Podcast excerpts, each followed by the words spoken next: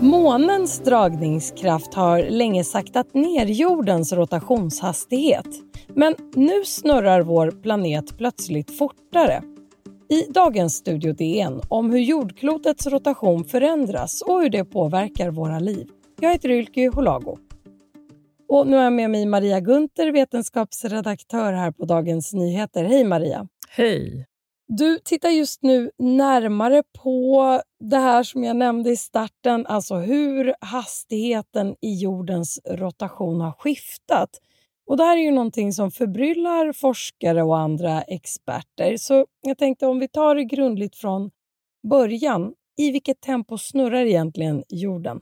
Ja, alltså man kan börja med att säga att jorden är ju vår ursprungliga klocka. Alltså den snurrar ett varv runt sin axel på 24 timmar.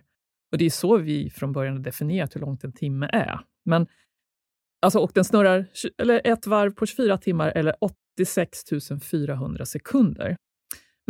Numera så har vi klockor som är mycket mer exakta än jorden, atomur. Och tack vare dem så kan vi nu se att jordens rotationshastighet inte är helt exakt. Den varierar lite. Också den generella långsiktiga trenden då, att jorden snurrar långsammare och långsammare. Och då är det månens dragningskraft som bromsar in den, som du sa. Och vad är det, På vilket sätt bromsar den in? Vad, hur ser den relationen ut? Jo, alltså det är så att månen påverkar ju världshaven så att det blir ebb och flod. Liksom, och, dra, och, då, och just det här ebb och flodsystemet gör att jorden snurrar långsammare och långsammare. Så hade vi inte haft någon måne så skulle dygnen vara mycket, mycket kortare än vad, vad de är nu. Och då, som du nämnde där så får månens dragningskraft jorden att snurra lite, lite långsammare enligt vad man har kunnat mäta. Men nu på senare år så har vi sett en omvänd trend. Vad, vad är det som har hänt? Ja, alltså man, man övervakar jordens rotationshastighet väldigt noga. Alltså det finns en internationell organisation som heter IERS, International Earth Rotation and Reference System Service som ligger vid observatoriet i Paris. Och de övervakar det här hela tiden. för att alltså nu är det, det är Atomur som nu beställer, bestämmer världens officiella tid sedan 1972, alltså det som vi kallar för UTC, eller Coordinated Universal Time, som är den eh, officiella tidsskalan i de flesta länder. Och Den korrigeras då och då, för man vill ändå liksom ha kvar den här kopplingen till jordens rotation. Och då är det, den här, i det här observatoriet i Paris, så finns det en, en person som är ansvarig för det här, att hela tiden kolla så att, och när, när skillnaden mellan jordtiden och atomurens tid är större än 0,7 sekunder, så säger han den här personen till att nu är det dags att göra någonting åt det här. Och då har man då historiskt flera gånger infört en så kallad skottsekund som kan införas sista december eller sista juni. Men nu har de då, då istället sett att nu går det istället fortare och fortare. Och du, vi ska prata mer om det här att det går fortare, men jag måste först fråga dig en personlig fråga. Du är ju också fysiker förutom journalist. Hur känns den här nyheten att jorden plötsligt snurrar fortare ur det perspektivet? Ja, men allt sånt här är jättespännande, speciellt som man faktiskt inte riktigt vet vad det beror på. Alltså det finns ju en massa olika teorier, men alltså att just att... att eh, ja, jag tycker att det är, framförallt tycker jag att det är kul att jorden inte är så exakt och att vi nu, att vi nu liksom är, att vi har Ja, att vi har klockor som är mer exakta än jorden. Det, tycker, det är spännande i sig, tycker jag. Men då det faktum att jorden nu snurrar fortare, vad, vad beror det på? Vad vet man om det? Ja, alltså, det vet man ju inte. Det finns teorier. För det finns ju mycket som påverkar då jordens rotation. Alltså det vet vi. Alltså dels då det här med att månen bromsar ner den, men sen också vädersystem och så andra naturfenomen påverkar.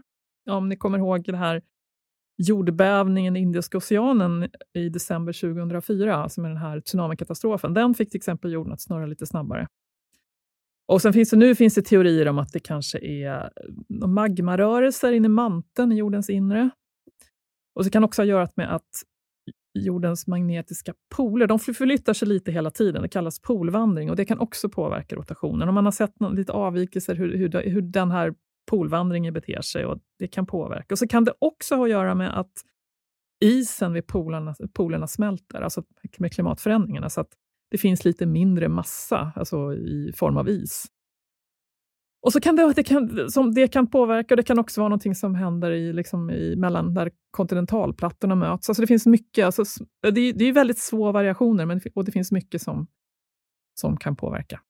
Men en av teorierna handlar alltså om att eh, klimatförändringarna skulle kunna ha den effekten att eh, jordens rotationshastighet förändras. Är det korrekt uppfattat? Ja, alltså det, det, det är en, en, av teorierna. Det, alltså det är inte alls säkert, men det är en av teorierna. Just att is smälter både, både vid polerna och sen på glaciärer, så att jordens massfördelning blir lite annorlunda. Då. Det, sånt påverkar också rotationen.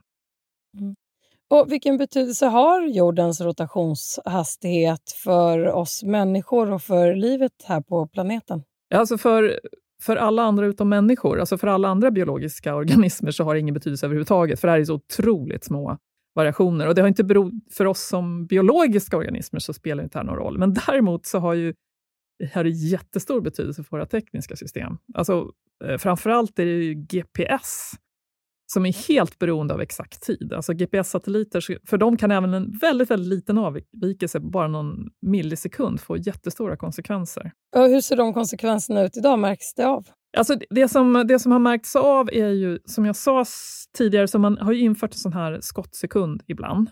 Den införde man alltså ända sedan 72, när man liksom övergick från att använda jorden som ursprungsklocka till atomur som, som eh, som bestämmer tiden så har vi har fått totalt 27 skottsekunder. Och från början, alltså 78 90-talen, var inte det här något stort problem och då införde man... Eh, ja, då behövdes en skottsekund nästan varje eller vartannat år. Men sen millennieskiftet så har det bara behövts fem skottsekunder. Men, och den senaste var i december 2016, alltså för snart sex år sedan. Och, men varenda gång, då man, eftersom vi får mer och mer exakta tekniska system och där man alltså måste synkronisera tid mellan olika system. Alltså det är så mycket sånt där, så har ju det här ställt till tekniska problem och det skulle kunna ställa till potentiellt mycket mer tekniska system än det har gjort. Vi har inte riktigt sett några riktigt stora konsekvenser, men det skulle kunna bli det. Och nu när du är inne på det, om jag får backa tillbaka lite till det här med atomuren. Du berättade vad det var. Och Ja, min egen erfarenhet är från att ha jobbat med direktsändningar i tv och radio. Då är man ju beroende av eh, atomur med väldigt exakt eh, tid. Hur, kan du berätta lite mer om hur de funkar? Alltså man kan säga att ett atomur fungerar egentligen som ett, på samma sätt som ett pendelur. Alltså I en pendelur så är det en pendel som håller tiden. Och I ett atomur så är det istället eh, svängningen i en viss, i en viss väldigt exakt strålning som man, som man mäter. Alltså en strål, en viss, man vet Vissa atomer skickar, kan skicka ut strålning där man känner till exakt våglängd och exakt hur fort de svänger. Och så bara, mäta, och så bara genom att räkna dem så kan man mäta tiden. Då. Ja, och de atomer som vi använder nu för vår tidsstandard, de har som mest... Eh, eh, det första, största felet de kan få är att de kan gå en sekund fel på 300 miljoner år. Så de är verkligen otroligt exakta. Och det första atomuret byggdes av den brittiske fysikern Louis Essen och han presenterade den 3 juni 1955. Och då, då, för sen dess har vi då klockor som är mer exakta än jorden. Och hur stor grej är det med atomurets tillblivelse bland er fysiker?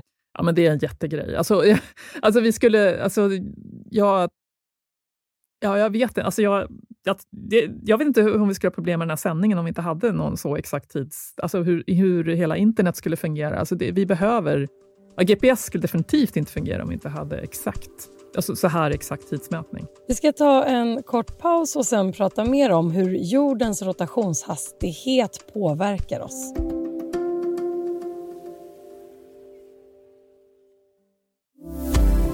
Du lyssnar på Studio DN. Idag om varför jorden roterar snabbare. Maria Gunther, vetenskapsredaktör här på Dagens Nyheter. Varför ökar eller förändras jordens rotationshastighet just nu? Ja, alltså som sagt, vi vet inte det. Alltså det, det. Det finns teorier. Som sagt, det kan vara klimatförändringarna. Det kan vara någonting annat. Men vi ser det här och det börjar, det börjar gå så mycket långsammare så att, så att eh, forskare helt enkelt pratar om att det kanske är dags att vi inför en negativ skottsekund, alltså ta bort en skottsekund. Och det har vi, det har vi aldrig gjort förut och det vet vi inte om våra system ska klara. Ja, en negativ skottsekund skulle ju vara ett exempel på en konsekvens av den här ökade hastigheten. Vad kan det röra sig om eh, mer utöver det? Alltså det är ju, alltså konsekvenserna är ju... Ja, alltså GPS-system skulle kunna börja mäta väldigt fel, alltså så att vi inte längre mm. kan navigera med hjälp av dem. För, alltså, och det, det, är ju, det kan ju få katastrofala följder. Och Det här med skottsekund, eh, varför har det kommit att kallas för just skottsekund? Alltså, skott, det är samma skott som i skottdag och skottsekund. Och det kommer från att skjuta in, alltså en extra dag, man skjuter in den. Det är därför som den kallas för skottsekund. Och Det här användandet av eh, skottsekunder plus som det har varit hittills och då ett möjligt, en minussekund som det är tal om nu.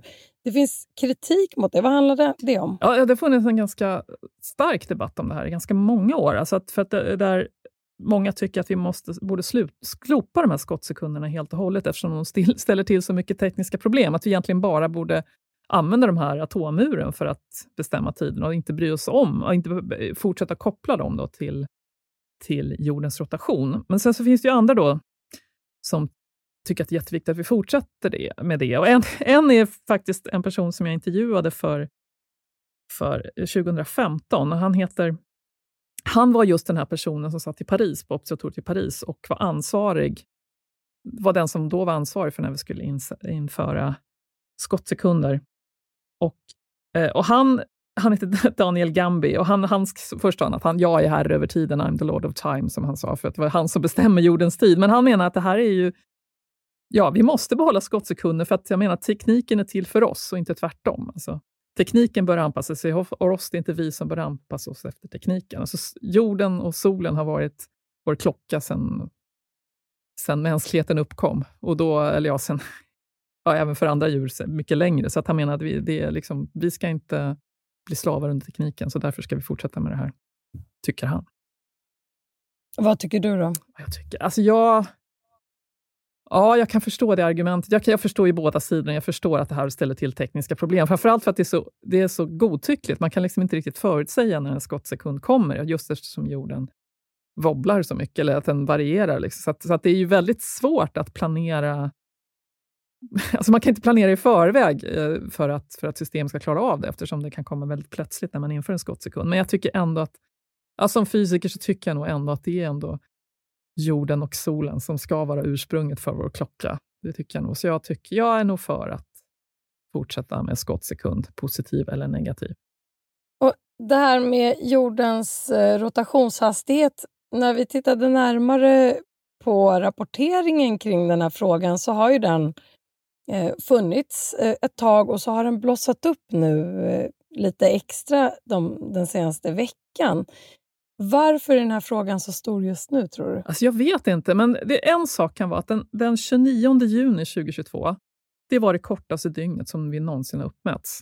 Så det, som vi någonsin har uppmätt. Och det kan, det kan bero på det. Alltså annars så var det, år 2020 var det flera dygn som var de kortaste dittills och nu, och nu har vi hittat ett, haft ett ännu kortare dygn. Och det, ja, det kan bero på det, jag vet inte. Men det är en spännande fråga, så om någon börjar skriva om det så börjar ju fler skriva om det, så det är inte, det är inte så konstigt. Och Det kan också leda till att vi gör poddavsnitt som det här. Avslutningsvis, vad betyder allt det här för vår framtid på jorden? Hur påverkas vi? Ja, det beror ju på hur våra tekniska system klarar av det. Det är så vi påverkas. Om allting kraschar för att jorden snurrar för fort eller för långsamt så visar det liksom på vilken sårbar kultur vi har. Eller, ja. Tack så mycket Maria Gunther, vetenskapsredaktör här på Dagens Nyheter. Om du vill kontakta oss så går det bra att mejla till studiodn dn.se. Och kom ihåg att prenumerera på Studio DN där du lyssnar på poddar så missar du inga avsnitt. Studio DN görs för Podplay av producent Sabina Marmulakai. Ljudtekniker Patrik Miesenberger, teknik Oliver Bergman på Bauer Media och jag heter Ylke Holago.